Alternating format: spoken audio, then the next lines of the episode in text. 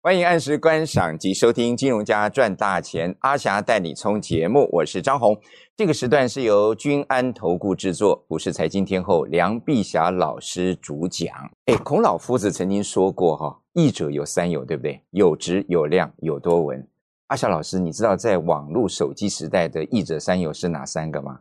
我哪知道啊？你嗯不知这道太难了吧？哦，OK 啊我跟你讲，你干脆问我台积电会跌到哪里，还比较快一 点。这个才是重点，对不对 OK，所有的正声听众朋友以及阿霞、嘿 YouTube，阿霞就是要你赚大钱的是梁粉粉，大家好。好 OK，我是阿霞。是今哎，天在身边人家的工厂啊有质有量有多稳哦哎，，有那是孔老夫子说的。现在哎网络手机时代不是啊，而且慢慢工是厂有读有回有暗赞呢。啊，有毒有稳有 安全。哦，对对对对对，哎这个是一个高三对哦是是是高三的是女学生提供的答案，结果哦结果她获奖，获得首奖有七万元奖金。有毒有回，回哎有按赞有按赞。那我们的 YouTube 叫什么？哎哎，有按赞，有订阅，对有分享。对，然后呢，对于我们的温江啊、问讲，我们是什么？就都有打就就电上话啊，。就都上 啊，哎，我跟你讲，张宏今天人八倍找给我点。嗯是啊我跟你讲，今天节目通通给你讲，我今天不讲了。知道吗你你今天要多讲一点， 我多讲，哦我被共下。哎，你要多讲一点，快哦点哦。，OK。对啊，当然，今天靠我你撑了啊我觉得， 我觉得大盘会跌两百八十点，一度跌到跌到三百多点哦。当然，今天也是那个台子期的结算日，然后台积电的 ADR 也大跌，这些都是因素影响。当然，美股也是全面下跌。嗯，是啦，那啊种是原因啦。张宏你都看报纸在那边解盘。是是是是，那我跟你讲，最重要的原因是什么？哎阿霞六天前喊护国神山换人做护国了，很差，对，没错对没啦，错没六百错。七十九块台积电，我叫人造，你知不？是哇哎、我的电视，我在非凡电视台两个时段，你知不？哦，我阿嬷就足紧张啊！行，啊，你讲六百七十九块爱走，我讲你紧走，阿嬷你人口你嘛爱紧走。嗯对对你对讲，啊哈，啊，毋过问题是，哎即摆收盘是六百五，哎啊，，我买六百五十五，我讲阿嬷你了五千紧走，哇哦，我讲啊破声老吹了，真的是太起厉害码。是弹的啊。嘿啦，我今跟你天都讲，跌破六百点呢，对没有啊今六天六百元啊，对对对对，今天就六百零一元对啊，嘛收收是六百零一好，了，OK，那我们我们要讲的事情叫很简单啦、哎就说大盘跌两百八十五点，对，第一，咱来讨论的是有要紧不要紧，哎，第这是重二，爱点，问的是讲啊哈，今仔做什么动作，是，对不对？对然后各个咱要安怎做？没错好，来，那我先稍微说一下我们今天的活动哈、我们今天的活动呢是台积电二，台积电二电底部在哪里对？好，那我先说一下，我觉得如果我是散户的话，我最想问阿霞两个问题。两个问题，哪第一两个问，题，台积电会跌到哪里对？对因为呢，所有的听众朋友，你一点爱弄啊怎样？阿海喜专电化并购唯一一个在六百七十九块的隔天，对，然后呢，我化工收尾郎通通都要卖，不要买，不要抱牢。对，我跟你讲，这一点对台湾的股民是无法想象的。这个话言犹在耳，我记得很清楚，是因为因为曼舞老师当天说，第二天呢、就台积电六百七十九跌的第二天，他说这个可能就是台积电这一到三个月的高点，废啊，对对对啊对，对不对起废话，对对，六百我七十。九就高点，对一到真的三个月，哎，张宏阿啊哈，破晓哪里吹的？哎哎，我记得我很看清楚，我记得很清楚对。啦，我讲你坐我边啊，你也听较清楚。对对。对对， 我都不敢睡觉。哎、这我们正在上节目，可以跟谁讲？好了，那我要讲一件事情，叫做、哎这我喊六百七十九块是台积电未来一个月到三个月的高点。对，这对于台湾股民来讲是无法相信的，没错，因为所有的资金全部都跑到台积电对，去。那这个第时一候个，真的是这样，第一个，然后呢，所有人都觉得买台积电就对了，对，都然会后赚，对，然后都会赚 哎，然后每一分钟每一刻全部都是台积电。对，最夸张的是，台积电曾经一度哦，咱台股的先高量一刚是三千亿，三千五百亿到四千亿，对对不对？对对对对，台积电一个人一天给人家占了一千亿，哇，三分之一，哎呀，烧这伤喊啦，对就哦那对天啊哦都对哦不用活了，其他股根本动不了。都都动没有不了办啊法动了。对，好，那么我简单的说一下，我认为台积电六百七十九块嘿，到呃这个未来一个月到三个月哎，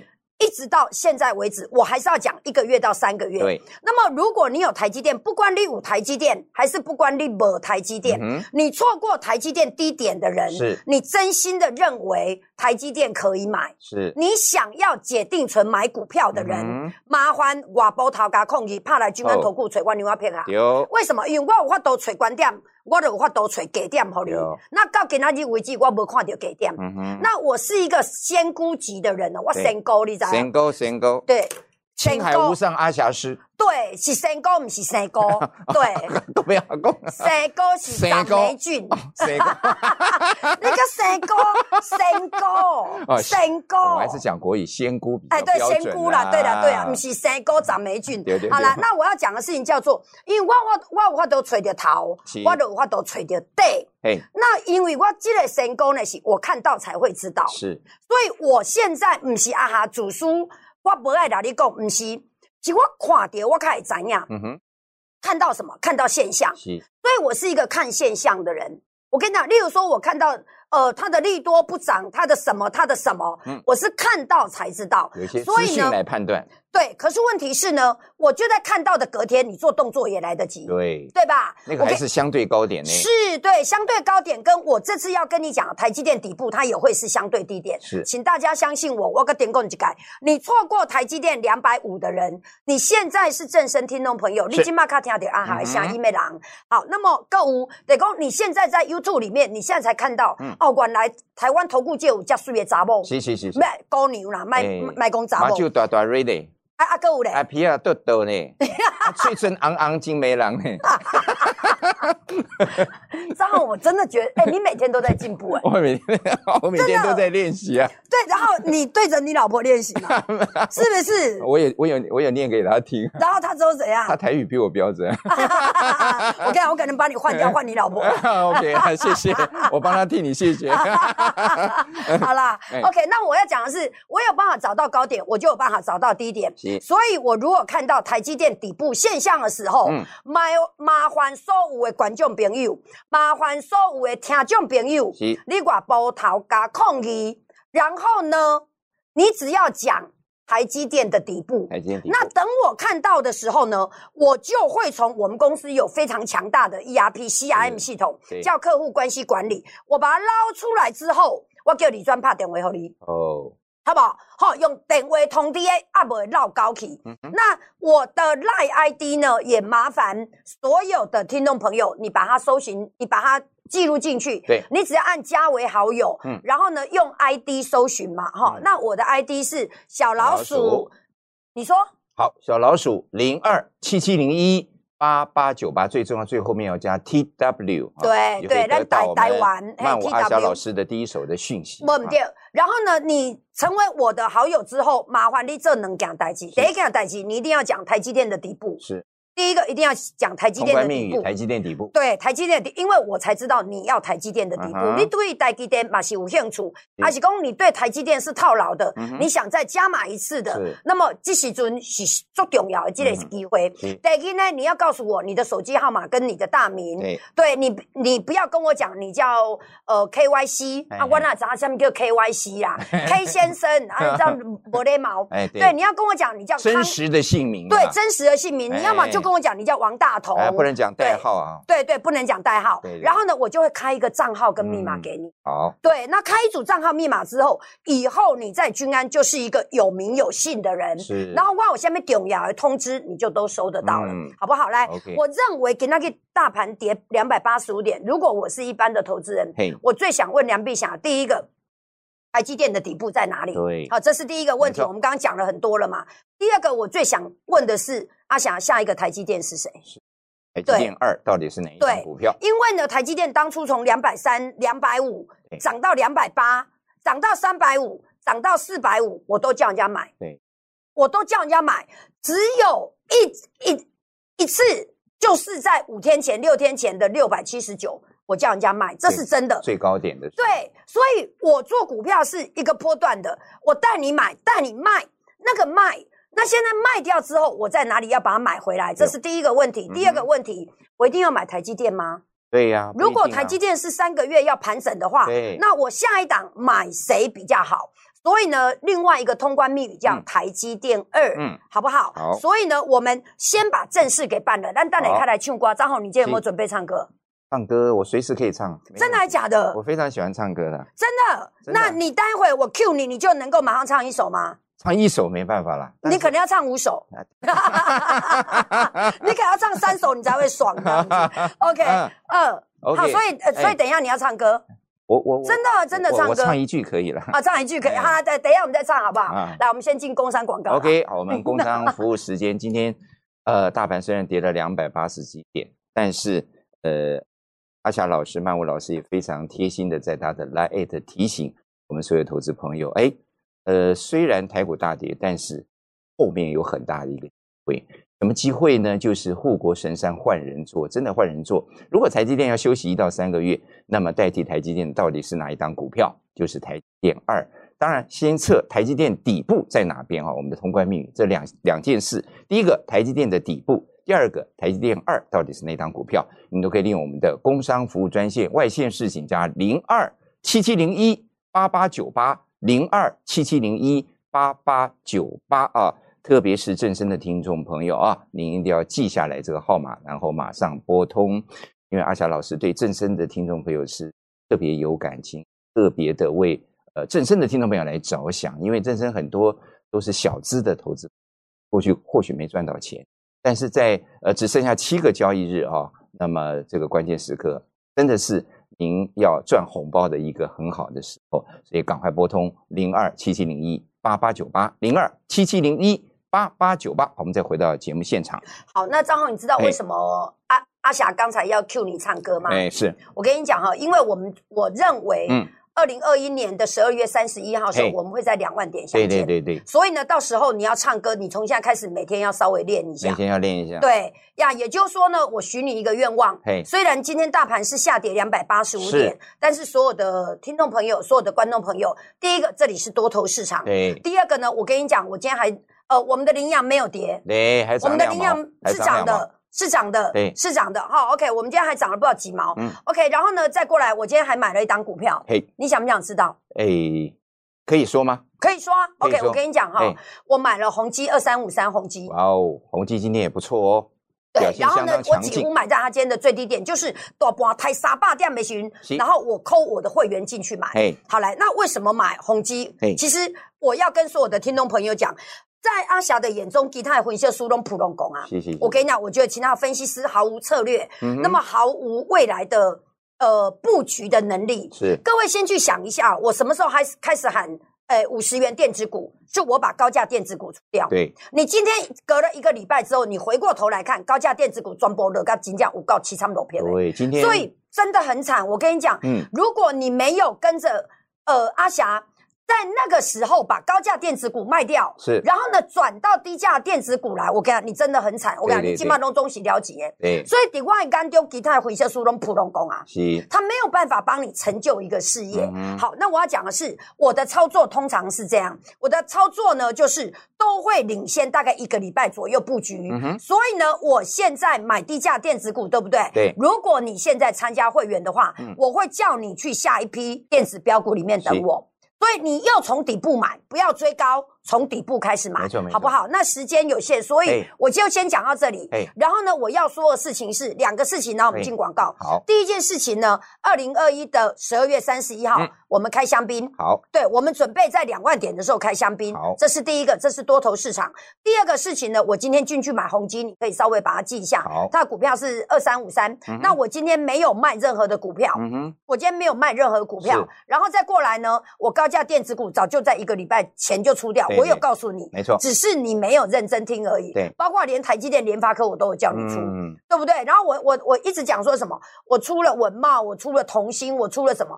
我底这波丢来评论公告做先车，哎是哎，好不好？阿霞是全台湾唯一可以信任的人，你绝对可以相信我。那我认为明天开始资金欢乐派对，所以呢，今天的很两个很重要的动作叫做台积电的底部，嗯哼台积电二是谁？大家一起加油！好，台积电二，台积电的底部，啊我们工商服务时间，想要了解台积电底部大概在哪里，然后台积电二就是护国神山到底是哪一档来代替它哦，零二七七零一八八九八，待会儿再回到节目现场。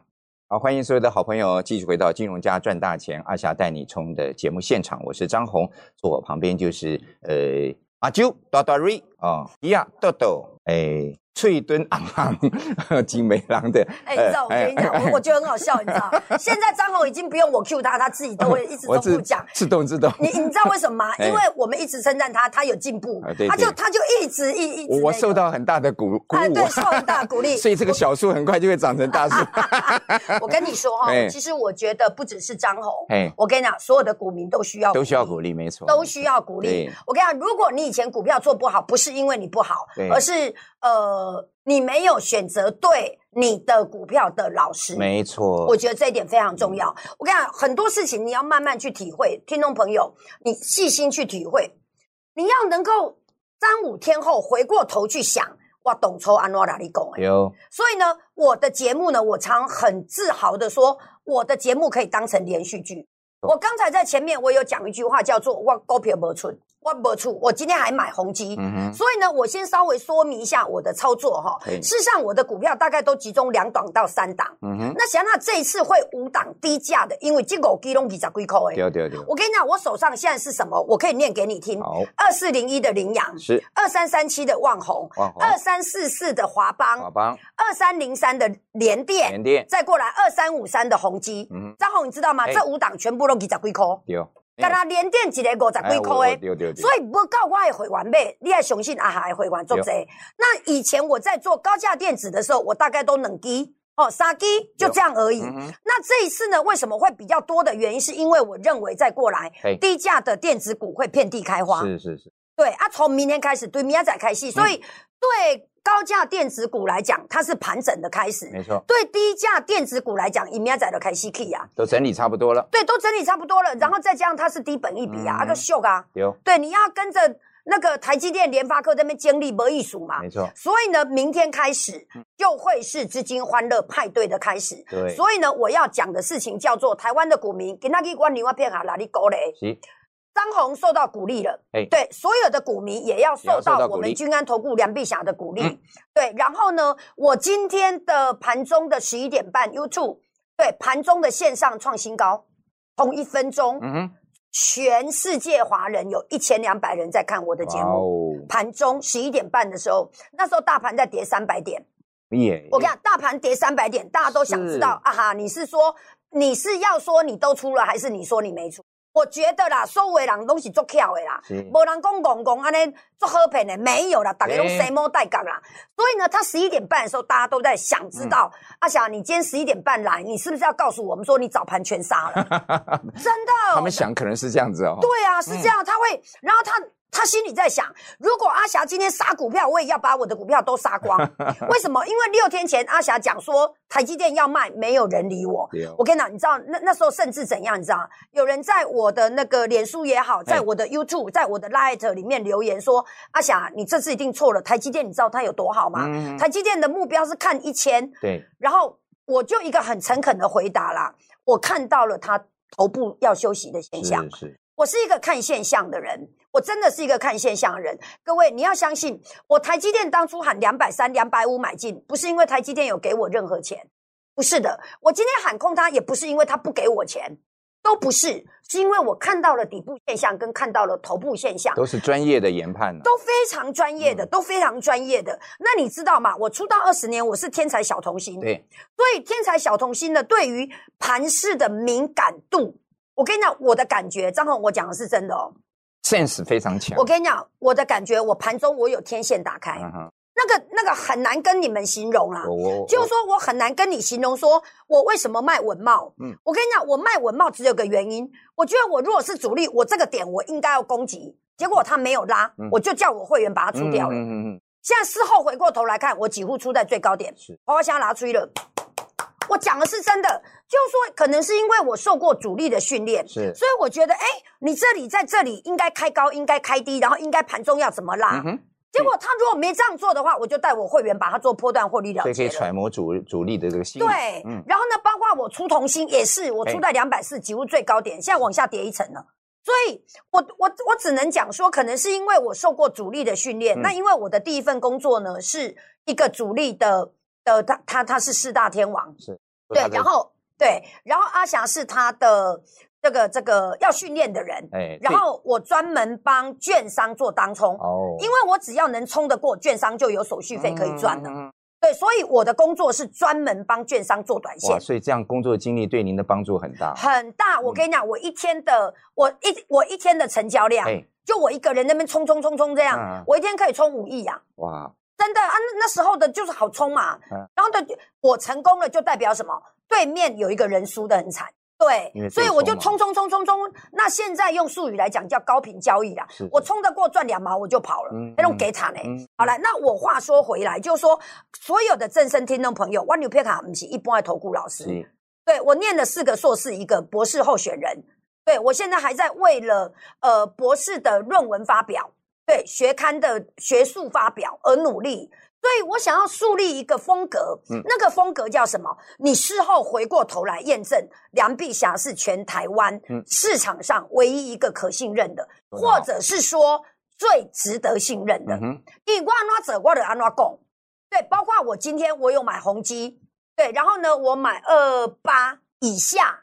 对，你知道它今天收盘是多少吗？张宏，我跟你讲，它今天收盘二八点一，好像涨了半根跌，呃，涨停板。它将近涨停板，啊，它将近涨停板。对，大盘是跌两百八十五哎点，呦，我还买股票，嗯，所以我股票没出掉息，而且我一个礼拜前我就把资金全部都从高价电子回防低价了。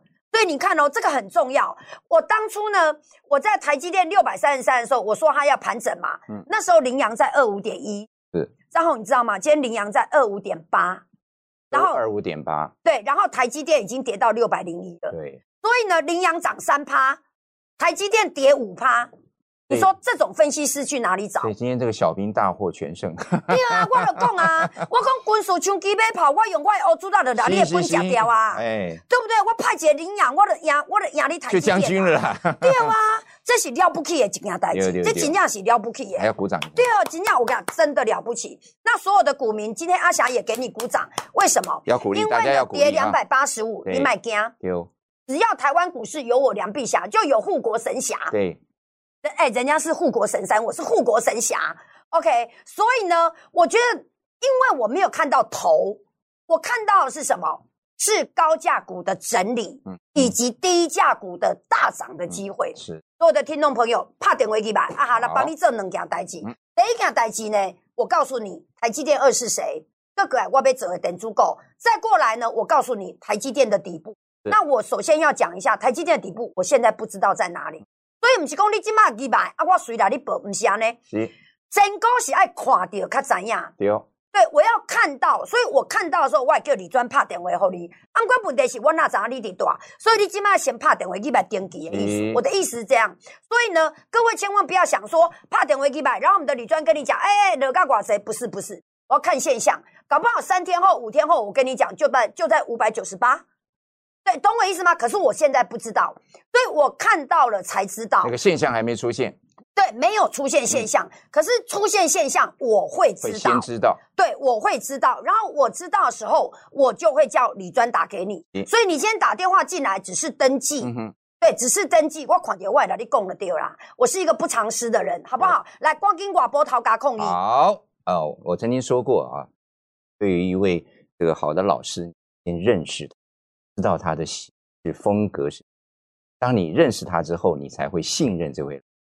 像我们阿霞曼舞老师，但人美心慈善，而且又够专业，最主要说话非常诚实。有一就说一哦，今天买了什么，卖了什么，都非常清楚的清跟楚我们所有的这真个的会员还有投资朋友做交代。嗯，这样的老师到哪里去？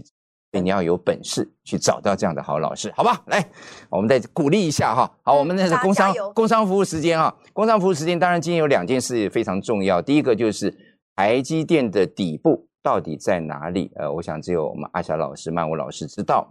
另外就是台积电第二啊，护国神山要换人做，到底是哪一档股票啊？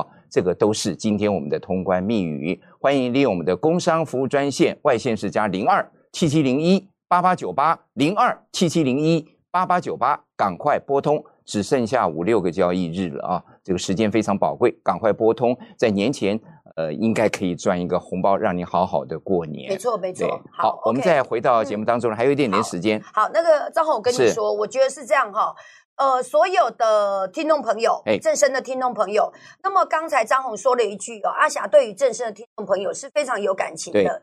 那么我先说一下，二十年前我出道的时候呢哎，正声给我非常大的协助是，他给我非常大的一个协助，他几乎呢把所有的好的时段都是给我，没错，然后呢，让我能够在投顾的舞台发光发亮，所以我一直非常感谢正生的呃董事长以及所有的同仁。是好，那我要说一件事情，叫做如果你现在是正生的听众朋友，那你陈茫茫 K K，你打电话进来的时候呢，你一定要说你是正生的听众朋友，然后我要请我的李专帮你做个 mark，、嗯哼你知道为什么吗？因为今嘛阿哈底非凡得时代嘛，有节目，所以呢，伊也拍伊吧的时阵，啊，伊伊讲伊是非凡的，啊，哎你讲你是正生的，对对对啊，那我就很清楚知道，就是说你是正生的啊，先拿你保，好不好？好啊，然后卖好非凡的怎样？ 哎，好，安利 哦， 哇，这非样凡对吗？ 非凡的非凡观众没有没有看到这一段， 剪掉，剪掉，剪掉。好了，OK，所有的听众朋友哎，大家一起加油！好，年底两万点，哎，